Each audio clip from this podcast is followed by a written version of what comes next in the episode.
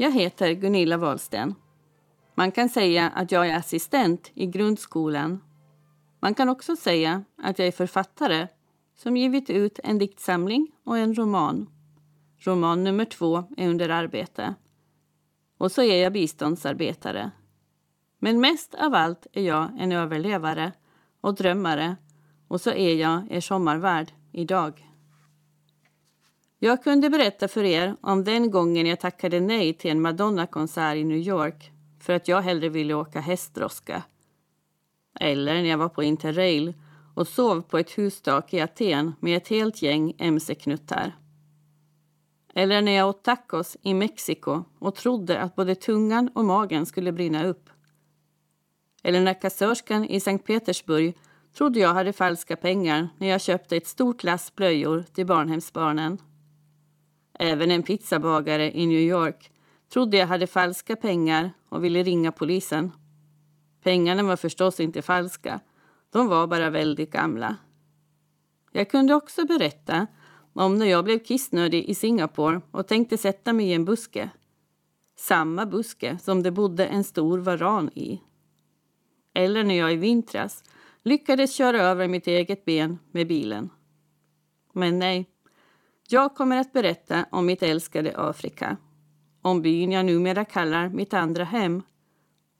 Och jag kommer att prata lite om min debutroman Livia och även läsa lite ur boken. Den Livia som en gång var en stor del av mig.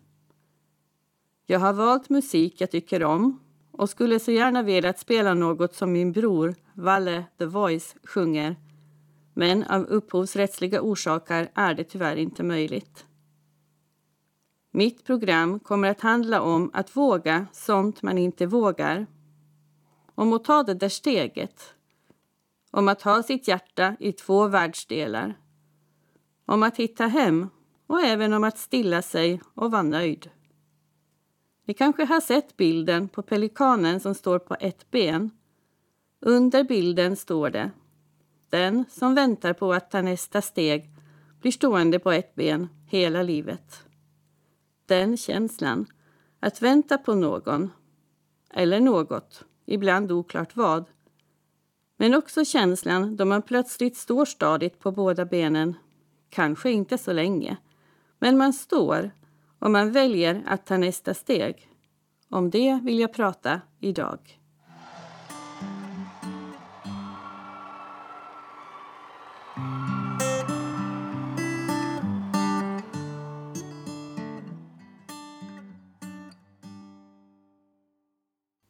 Det var Lady Gaga och Bradley Cooper med Shallow ur filmen A Star Is Born. En film som jag såg på flyget mot Kilimanjaro.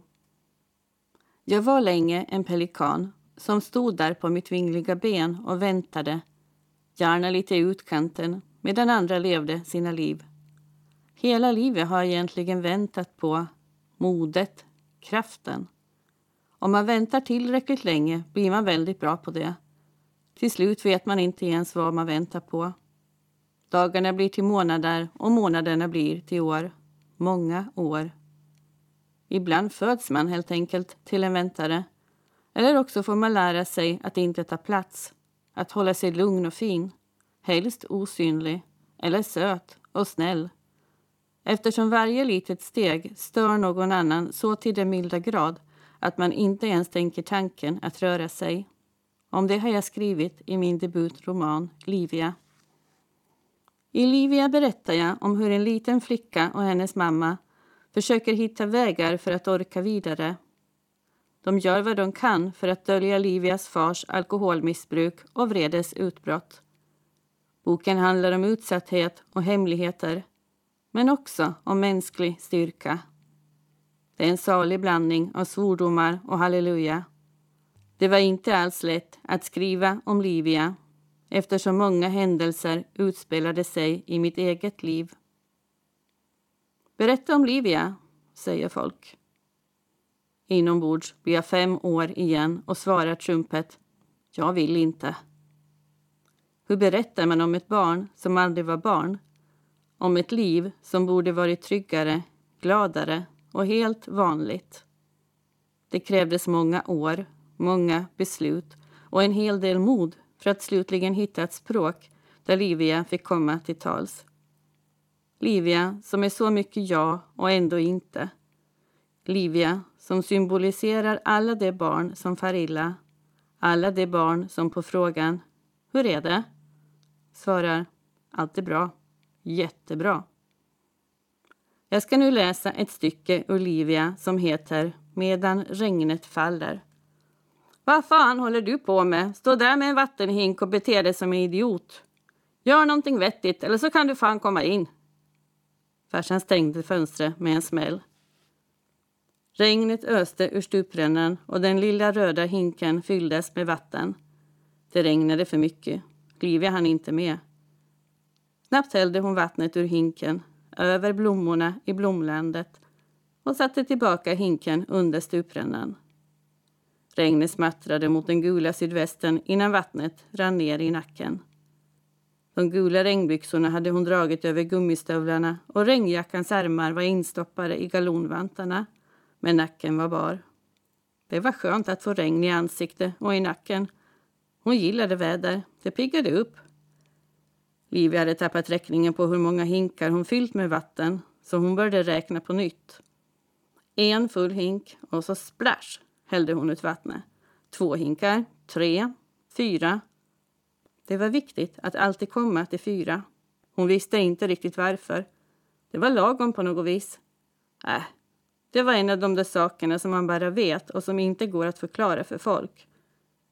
Mamma brukar göra det sig lustig över vattensamlandet och berättade för folk att Livia kunde stå i timmar i regnet med sin lilla hink och samla vatten. Lilla mamma. Hon borde väl veta att man inte alltid kunde gå in i skräckens hus. Huset hette ju inte så, men det var så det kändes. Det gula huset var mer än hundra år gammalt och låg i utkanten av den lilla staden. Det fanns inte många hus som var lika gamla i 1960-talets Mariehamn. Om huset varit omskött och fått lite målarfärg skulle det ha varit riktigt vackert. Farstufönstren var vackrast. Hela farstuväggen var full av små glasrutor som gick i zigzag. När de röda pionerna under fönstren blommade såg det idylliskt ut. Inne i huset tog idyllen slut. Där var det mörkt och trångt. I köket stod den gamla vedspisen som hela tiden ville ha mer ved. Det var mamma som skötte vedhuggning och eldning. Ibland eldades det så att skorstenen brann. Ändå var det ofta kallt inne. Om det inte hade varit för farsan kunde det ha varit riktigt mysigt i huset. Trädgården var i alla fall trygg och vacker. Det var den. Ibland. Ja, men för helvete, nu slutar du. Kom in! Farsan tänkte inte ge sig. Den rostiga, vingliga stuprännan där vattnet samlades i hinkar och gungan under kastanjeträdet var räddningen de dagar då det gamla huset förvandlades till skräckens hus. Aldrig i livet hon tänkte gå in. Det hördes ända ut hur en stol knuffades undan och glas rullade över bordet och kraschade mot golvet. Hur fan kan det ta så länge att handla? Du får väl för helvete skärpa dig. Livia satte sig på den kalla våta trappan och höll för båda öronen. Stackars lilla mamma.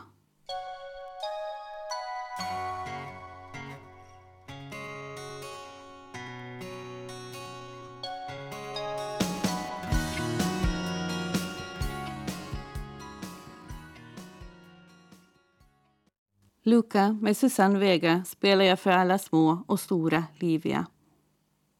Någonstans långt inne i alla vingliga pelikaner finns någonting annat. Någonting som är skrämmande och spännande. Någonting eget som vill växa och ta plats. I dagdrömmarna sker mirakel. Där förvandlas små människor till kraftpaket som inte fegar för någonting. Skruttar blir till hjältar och kastar sig ut i fantasivärldar. Jag har förmånen att ha många små superhjältar kring mig alla arbetsdagar. Skolgården vimlar av äventyrare, kojbyggare, gymnaster, sagoberättare, klättrare, butiksinnehavare, uppfinnare, pirater, djurskötare och alldeles fantastiska barn. Allt är möjligt när vi ger fantasin plats. Lyckos mig som får vara med på ett hörn. Som kan ge barnet i mig en andra chans jag lär mig massor, varje dag. Inom oss alla finns det en kärna av vårt sanna jag. Till det lilla rummet kan man fly när verkligheten skrämmer. Jag ska läsa ett stycke till ur Livia som heter Flytten. Öppna dörren. Jag vet att ni är där inne. Släpp in mig för fan! Gode Gud och snälla Jesus, måtte han gå snart. Hon låg med täcket uppdraget över huvudet och lyssnade på svordomarna och bultande på fönsterrutan. Han håller på länge nu och de önskade att han skulle bli trött och gå hem och lägga sig. Lilla mamma hade fått kraft och mod. De hade flyttat till grannhuset utan farsan. De borde ha flyttat ännu längre bort, men det var i alla fall en flytt och det fick de vara nöjda med. Kalle och grann-Gunnar hade hjälpt dem att bära några möbler från det gamla stället till det nya. Mamma, katten Sofina Olivia bodde nu i ett litet rum och ett ännu mindre kök. I samma gamla trähus bodde också två andra familjer som de delade utedass med. Det var trångt, men de bodde utan honom. Farsan förstod förstås ingenting. Han kunde inte begripa varför de skulle flytta överhuvudtaget och ännu mindre varför inte han skulle följa med. Han var förbannad och ännu mer förbannad var han när han var full. Och det var han ofta. Ännu oftare nu när han bodde ensam. De stannade inte så länge i grannhuset. Lilla mamma orkade inte med allt bråk och allt gapande som farsan ställde till med. Hon orkade inte med alla knackningar på fönstret, bultningar på dörren och svordomar som gapades in i dörrspringan. Och inte orkade hon med alla frågor från grannarna. Livia orkade inte heller. Jävla paller! Hur fan skulle ni ha klarat er utan mig? Skämma ut er med att flytta. Jävla paller! Farsan var nöjd nu. Hans gapande och bultande hade gett det resultat han ville ha. Fy fan vad nöjd han var. I haven't ever really found a place that I call home. I never stick around quite long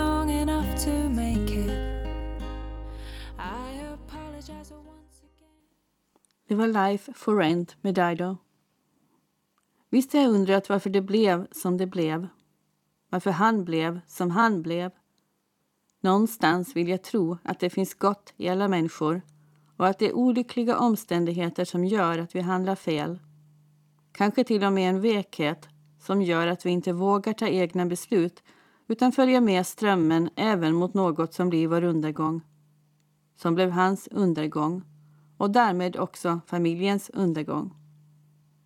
Det finns studier som visar att genernas inflytande på risken att utveckla ett missbruk är mycket starkare om man växer upp i en utsatt miljö och att det förstärker de genetiska riskerna för missbruk och beroende. Alltså den ständiga frågan om arv och miljö. Vi kan inte välja våra gener.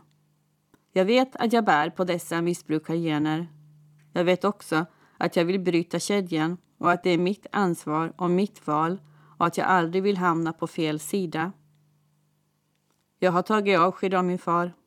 Många gånger. Ibland öga mot öga på sjukhuset när hans kropp inte orkade mer. Ibland i tanken för att jag inte orkade mer. Jag har också tagit avsked då allt var över och stillheten lade sig i det vinterkalla kapellet. I det allra sista avskedet bar jag honom. Då gravplatsen avslutades bar jag gravstenen med hans namn. Ja, jag lyfte den lilla gravstenen från marken och så promenerade vi tillsammans en sista gång. Grusgången kändes evighetslång innan vi nådde bilen. Jag visste inte riktigt vad jag skulle göra av honom, han som var min far. Så vi får runt ett tag. Vi gjorde några stopp på de platser som ännu plågar mig och färdades sedan längs vägar av minnen. En sista gång. Jag bakom ratten och han i trunken. Nu var det jag som bestämde.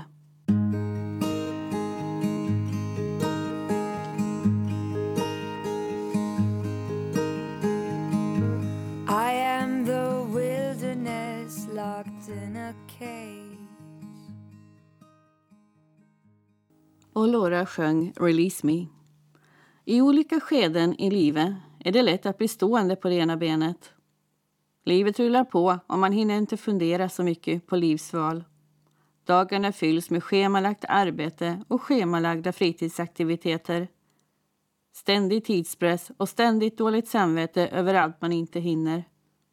Man borde träna, städa, safta och sylta. Vara insatt i alla världshändelser, kamma katten. Kamma katten har alltid högsta prioritet hos mig. Gräva om komposten, måla huset, ringa vänner och bekanta. Förstå sig på all teknik som jag inte begriper. Fortbilda sig, läsa mer, klippa gräset, skotta snö, tvätta bilen, fixa allt som går sönder, betala räkningar. Ja, det tar aldrig slut. Man orkar inte. Jag orkar inte. Tack och lov bor jag i ett paradis där jag kan sätta mig under lönnarna och andas djupt medan jag tänker sen. Sen ska jag. Sen, när det blir höst och jag har hela kvällarna på mig. Sen, i vinter, då kommer jag ha tid. Sen, till våren, när kvällarna blir ljusare, då kommer jag att orka och hinna. Sen, i sommar, då ska jag göra allt det jag inte hunnit resten av året. Och när sommaren kommer sitter jag kraftlös under mina vackra lönnar och väntar på den där energin som lyser med sin frånvaro. På det viset rullar åren på och man står där på sitt ena ben och väntar och väntar.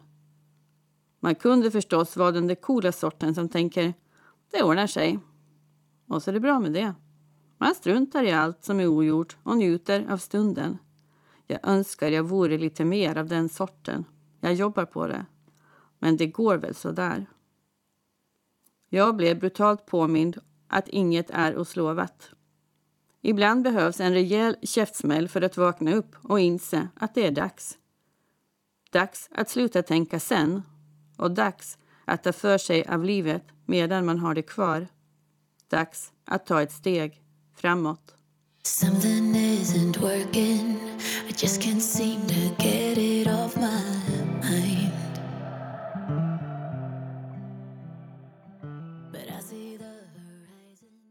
Jill Johnson och Robin Stjernberg sjöng Miles of Blue. Du lyssnar på Sommarprat i Årans Radio och jag som är er sommarpratare idag heter Gunilla Wahlsten. Det var en seg höst och jag kände att kroppens batterier var dåligt laddade. Det blir väl bättre, tänkte jag. Sen. Sen. Jag segade mig fram dag för dag och längtade till mörkare kvällar då det var okej att sitta i soffan, tända stearinljus och svepa in sig i filtar. Jag tänkte att jag kanske borde resa till solen och ha lite semester. Då skulle jag säkert bli piggare.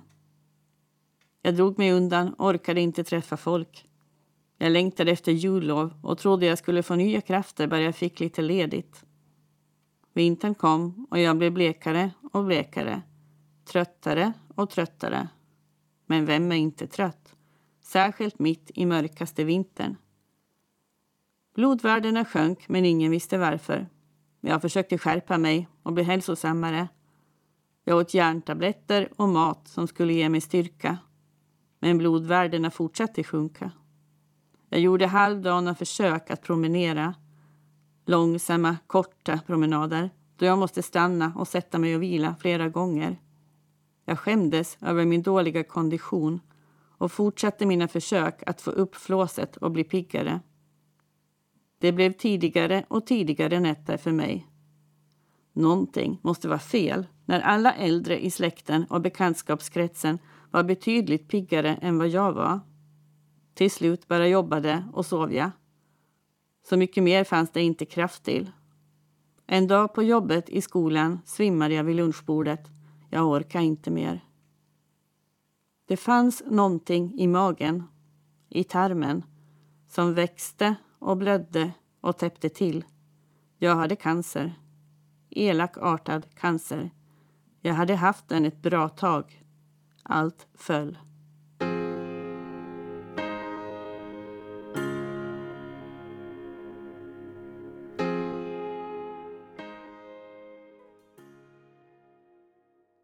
Josh Groban sjöng River. Allt gick snabbt. Undersökningar, fler undersökningar, provtagningar, röntgen, läkarbesök och operation. Tiden före operationen var fruktansvärd. Förstås kunde jag inte hålla mig utan googlade och fick veta allt det värsta som kunde hända. Jag hade en klok läkare som höll sig lugn medan jag stod och pekade på en plansch hon hade på väggen och sa Ta bort allt som man inte behöver. Vad är det där? Måste den vara kvar för att kunna leva? Ta bort så mycket som möjligt. Hon bara skrattade och sa lugnt. Lämna det där till mig. Jag tar bara det som måste bort. Resten får du behålla. Ingen kunde säga någonting om framtiden innan de hade öppnat upp för att se hur illa det var. Det tog inte länge innan jag låg på operationsbordet. En stor tumör och många lymfkörtlar skars bort. En hel del tarm togs också bort. Ingen spridning. Tumören satt som en stor propp i tarmen men hade inte gått igenom tarmväggen och vidare till levern och bukspottkörteln. Det var en lottovinst, en andra chans. Man hinner tänka mycket när livet inte längre tas för givet. Jag längtade efter att få sitta under lönnarna en sommar till. Jag kunde lova vad som helst för att få fem år till i livet. Vissa dagar var jag nöjd med tre månader. Det var inte några stora drömmar jag ville förverkliga innan jag skulle dö. Jag ville det lilla i vardagen. Allt det som man aldrig ens tänker på. Allt det som man bara gör. Jag ville se mina syskonbarn växa upp. Jag dealade med livet om att få bli kvar ett tag till. Samtidigt som jag undrade vad jag egentligen gjort med de år jag faktiskt levt.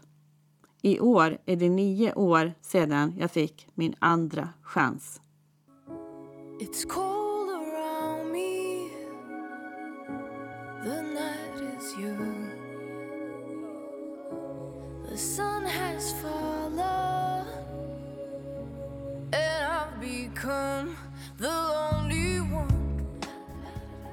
Jag lyssnade mycket på Lales Live Tomorrow under den här tiden. Jag började skriva. För mig var det ett sätt att hantera alla känslor som kom efter sjukdomen. Man tror så lätt att när man äntligen är fri från sjukdom så ska livet vara på topp. Så enkelt är det inte. Det är då bearbetningen börjar. Man får tid att reflektera och kastas mellan höga berg och djupa dalar. Min räddning var skogen och pennan.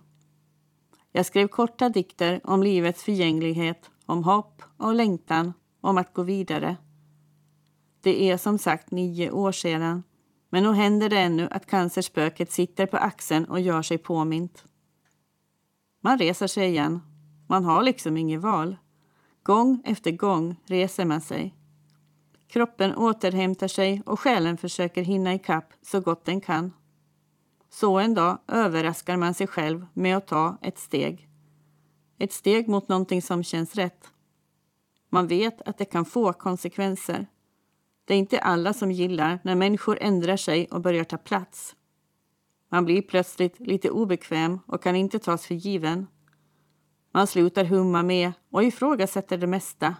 Man blir spretig och hålls inte i sitt fack. Det finns de som tycker man är bändig. Det man en gång har varit kanske aldrig var ämnat för en och jag tror det kan provocera en del människor att man vågar ta steget ut i någonting okänt. Barn är modigare. Åtminstone de barn som är trygga. De frågar glatt om allt det som vuxna inte vågar fråga. Är du sjuk? Ska du dö nu? Varför jobbar du? Varför finns det människor som bestämmer över andra människor? Eller? Är du faktiskt vuxen? På riktigt? Jag tror inte det. Jag tror jag först nu blivit barn. Jag kände att jag hade mycket ogjort. När vardagen återigen började bli så som vardagar är, när jag orkade sköta vardagssysslor och var tillbaka i jobbet, funderade jag på vad som väntade mig i livet. Att allt mitt väntande fick vara slut nu. Jag hade fått en andra chans och ville ta den. Det fanns många länder jag fantiserat om att besöka. Inget av Afrikas alla länder var aktuellt för mig. Ofta är det tillfälligheter som gör att man hamnar där man hamnar. Nu var det till Afrika jag skulle. Men vad är det för fel på dig? Och vad är det för fel på Teneriffa? Afrika? Vad ska du dit och göra? Frågade min oroliga mor när hon hörde om mina planer. Jag kunde inte riktigt svara på frågan. Det var långt utanför min comfort zone, men ändå mycket ja. Sällan lagom. Allt eller inget. Ja, jag vet inte riktigt vad det är för fel på mig, men till Afrika for jag.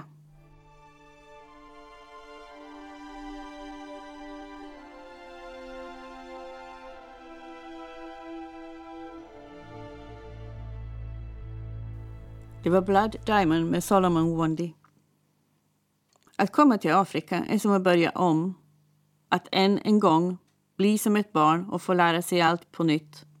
Det mesta är annorlunda och hjälpsamma bybor ler åt mig när jag uppgivet visar att jag har noll koll på det mesta. Inte ens tidsuppfattningen förstår jag. Inte visste jag att det finns flera nu. You mean now now or now later? Frågar de och ser bekymrat på mig. Ja, vad menar jag egentligen? Jag inser hur stressad jag är och att jag nu äntligen kan slappna av och bara låta mig ledas. Jag behöver inte längre ha kontroll. Att komma till en annan kultur är en möjlighet att bli sig själv. Jag har inte en chans att passa in och veta vad som förväntas av mig så jag kan lika gärna vara som jag är menad att vara. Allt är okej. Okay. No problem. Hakuna Matata. En gång, två gånger, många gånger reste jag till Afrika. Nu för tiden reser jag ensam. Byborna möter mig och välkomnar mig och jag har hittat min plats och en tillhörighet. Jag har hittat ett hem i Tanzania. Det är en märklig känsla att känna sig hemma på en plats och i en kultur som är så långt ifrån mitt vardagsliv på Åland. Jag har fått lära mig att värdera saker på ett annat sätt. Här får jag ge upp tanken på att klara mig själv. Man vill ju så gärna säga nej, inte behöver du hjälpa mig. Jag klarar det. De tycker jag ser skör ut och att jag troligtvis inte orkar så mycket. De tror att mina klena hårstrån ska gå av och att jag ska frysa ihjäl när det är den kallaste årstiden i Tanzania. Den kallaste årstiden är ungefär som en åländsk sommar.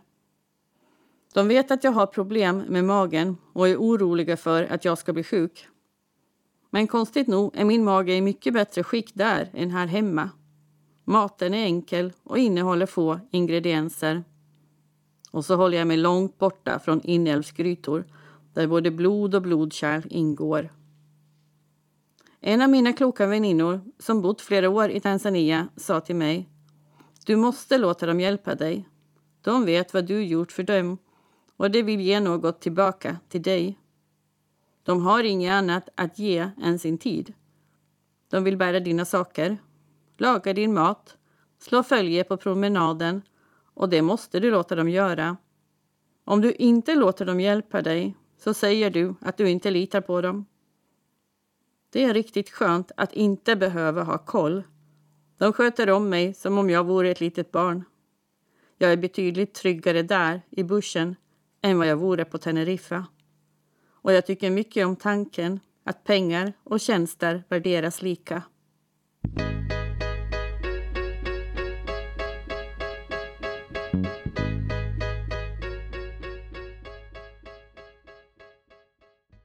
Ja, det är många som kan skriva under på I need a dollar, här sjungen av Aloy Black. Jag kände tidigt att jag ville göra något för barnen i Tanzania. Jag har erfarenhet från de ryska barnhemmen där jag fick lära mig att man inte bara kan hjälpa enskilda barn, vilket skapar avundsjuka och blir orättvist, utan att man behöver hjälpa hela barnhemmet genom att ge sängkläder, tallrikar, mat med mera som gagnar alla.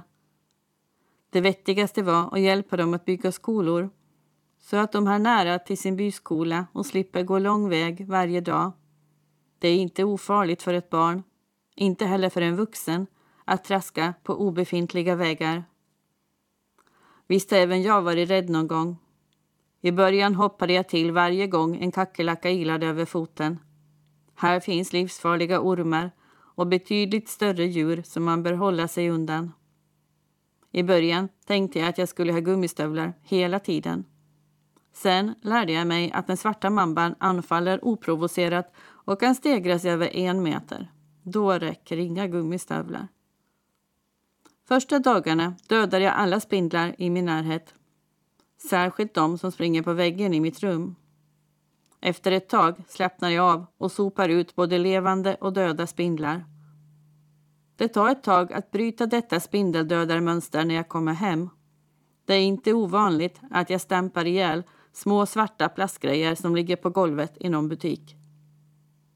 Malariamyggen är inte heller att leka med. Många dör av malaria eftersom de inte har råd att köpa medicin om de blir sjuka.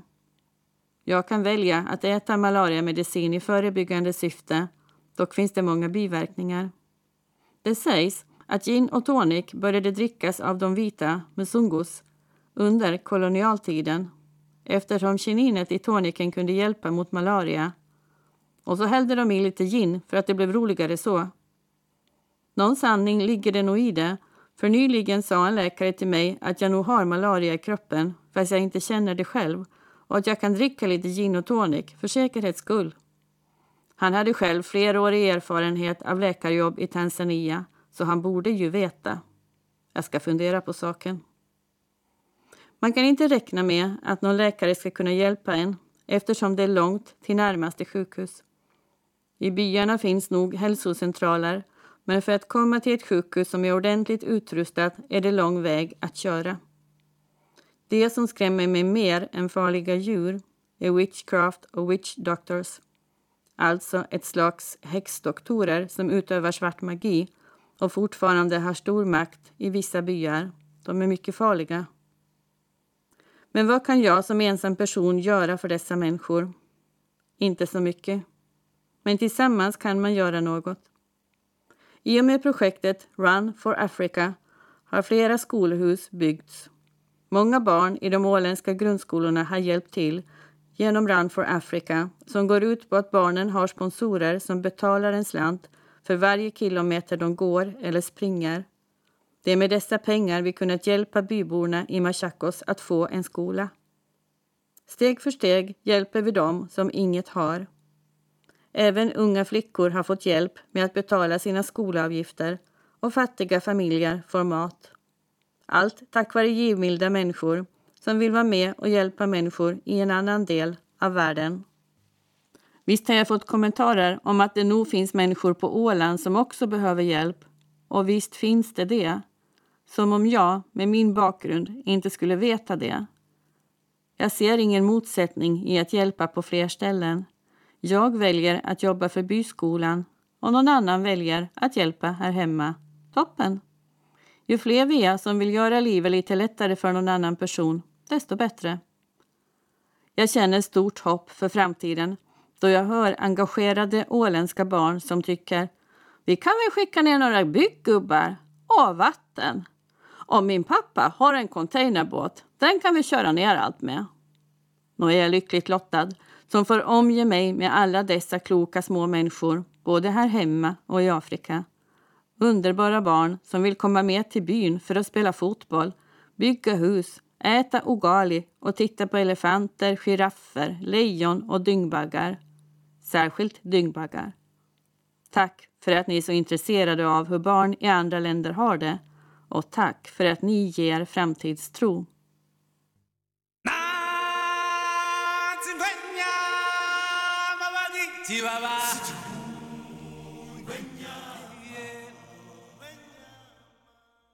En värld full av liv och Lejonkungen. Du lyssnar på Sommarprat i Ålands Radio och jag som är en sommarpratare idag heter Gunilla Wahlsten. Det är inte bara tidsuppfattningen som är annorlunda i Tanzania. Familjen är så mycket större än det som vi vanligtvis räknar som familj. Här är ens familj alla de man på något vis är släkt med. Massor av kusiner, fastrar, morbröder med mera, med mera. Det är bröder och systrar om vartannat och lite nu och då blir också jag presenterad som någon syster. Jag får aldrig riktigt grepp om vem som är släkt med vem och egentligen spelar det väl ingen roll. Nu behöver den här människan någonstans att bo och då bor hen här. Så enkelt kan det vara. Männen är oftast framåt och ser sin chans. Det är inte alls ovanligt att jag får erbjudanden om giftermål. Ja, erbjudande och erbjudande. Det är mera rakt på sak liksom. I marry you. How are you my wife? Och sen är saken klar. När jag försöker säga att det nog inte är så enkelt att gifta sig skrattar de bara och säger In Africa, very easy. I love you, we marry. De skrattar ofta. Särskilt när jag kommer med alla mina frågor. You're very different woman. You really interested in water situation? Ja, jag kanske är annorlunda och ja, jag är verkligen intresserad av vattensituationen. Det är svårt att föreställa sig ett liv där stora delar av dagen går åt till att hämta vatten. Vid vattenpumparna samlas många människor, alla med samma ärende. Livets vatten ska hem. Har man en åsna så får den bära plastdunkarna. Har man en cykel eller skruttig motorcykel så tar man förstås den. Och har man ingenting så bär man själv de tunga vattendunkarna varje dag. De är mycket intresserade av hur vi har det på Åland.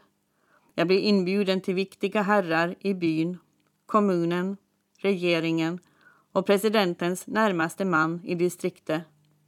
Plötsligt är jag en viktig person och dessa viktiga herrar vill veta min åsikt om både det ena och andra. Jag passar på. Att poängtera hur viktigt det är att alla barn får utbilda sig. Att det gagnar byarna att ungdomarna får studera så de får en försörjning och då även kan hjälpa sina familjer. Vi skakar händer, skriver i gästboken och förstås finns önskemål om allt de behöver hjälp med. När jag berättar om vår skola här hemma himlar de med ögonen och berättar hur många elever de kan ha i klassrummen. De klämmer helt enkelt in så många som får plats. Och några till. I byarna vill de mest känna på mitt hår och se bilder av snö. De har svårt att förstå att marken kan bli så hård att man inte kan odla året runt. Jag försöker förklara att våra hus måste vara varma. Våra bilar måste ha andra däck till vintern så vi kan köra på isiga vägar. Att vi köper vår mat i butiken och att vi har många räkningar som vi måste betala.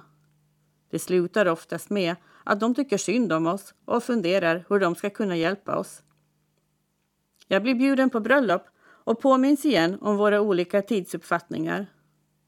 På min fråga om vilken tid jag ska komma till bröllopet svarar de Du kan komma klockan tio. Eller tolv. Eller klockan tre. Eller sex. Man kan komma när man vill och festen håller på länge. Det sjungs och dansas hela kvällen och långt in på natten. Den stora tårtan består av en stor köttbit och alla ska förstås smaka av det goda medan dansen övergår i höga hopp. De hoppar och hoppar och sjunger och sjunger medan jag står med ett stort leende och gläder mig över att få vara med om allt detta. Mörkret kommer snabbt på kvällen. När jag står ute och tittar på stjärnhimlen medan människor sjunger i bakgrunden tänker jag på mammas ord. Vad ska du till Afrika att göra? Åh, mamma. Jag önskar så att jag fått visa dig mitt Afrika, mitt andra hem på jorden.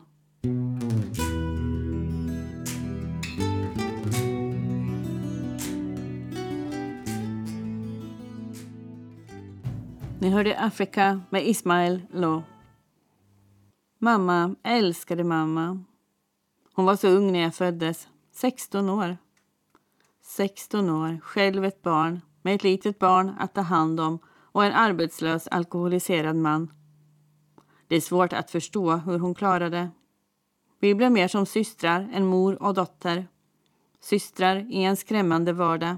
En vardag som var otrygg och farlig. Som att ständigt vara i krig med någonting som man inte förstod och kunde påverka.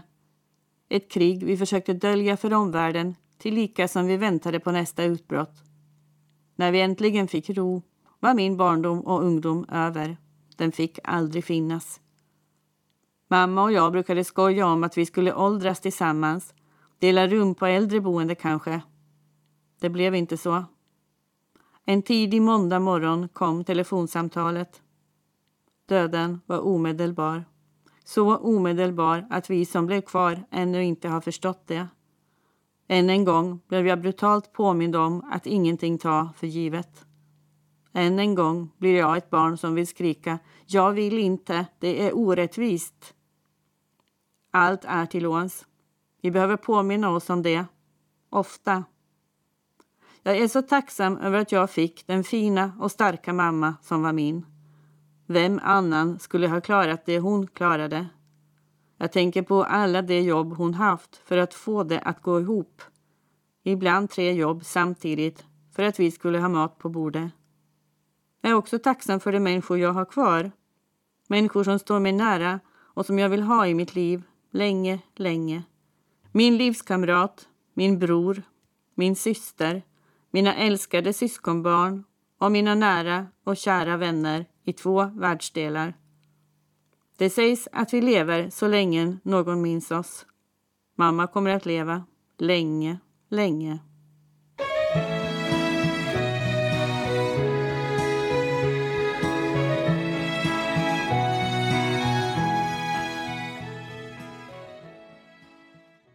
Du är så stark, säger de.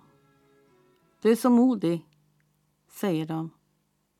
Nej, det är jag inte. Men efter att ha varit en dagdrömmare hela livet har jag på äldre dagar överraskat mig själv med att börja våga. Jag tror det har med åldern att göra. Man har helt enkelt inte tid och ork att fundera så mycket på vad andra tycker. Dessutom tycker alla olika, så hur man än gör finns det någon som misstycker. Kanske har det också att göra med att jag har varit sjuk och fått en andra chans. Och förstås har det med min uppväxt att göra. Jag är helt enkelt trött på att andra har valt för mig. Eller rättare sagt inte givit mig valmöjligheter i barndomen och ungdomen. Jag inser mer och mer att min uppväxt hjälper mig att möta nya kulturer i andra länder. I min barndom var det vardag att inte ta något för givet. Jag har haft samma känsla under mina besök på barnhemmen i Ryssland. Det var som att backa till någonting bekant. Jag kan den här världen. Det är inte främmande för mig att möta fattigdom och nöd. Det har ingenting med mod att göra jag är helt enkelt inte rädd för att möta människor. Mod. Ja, vad är mod? Vi kanske inte alltid kan välja om vi vill vara modiga. Det kanske är det enda val vi har. Att ställa oss upp på vingliga ben och ta ett steg än en gång. För mig är mod att våga göra någonting man inte vågar.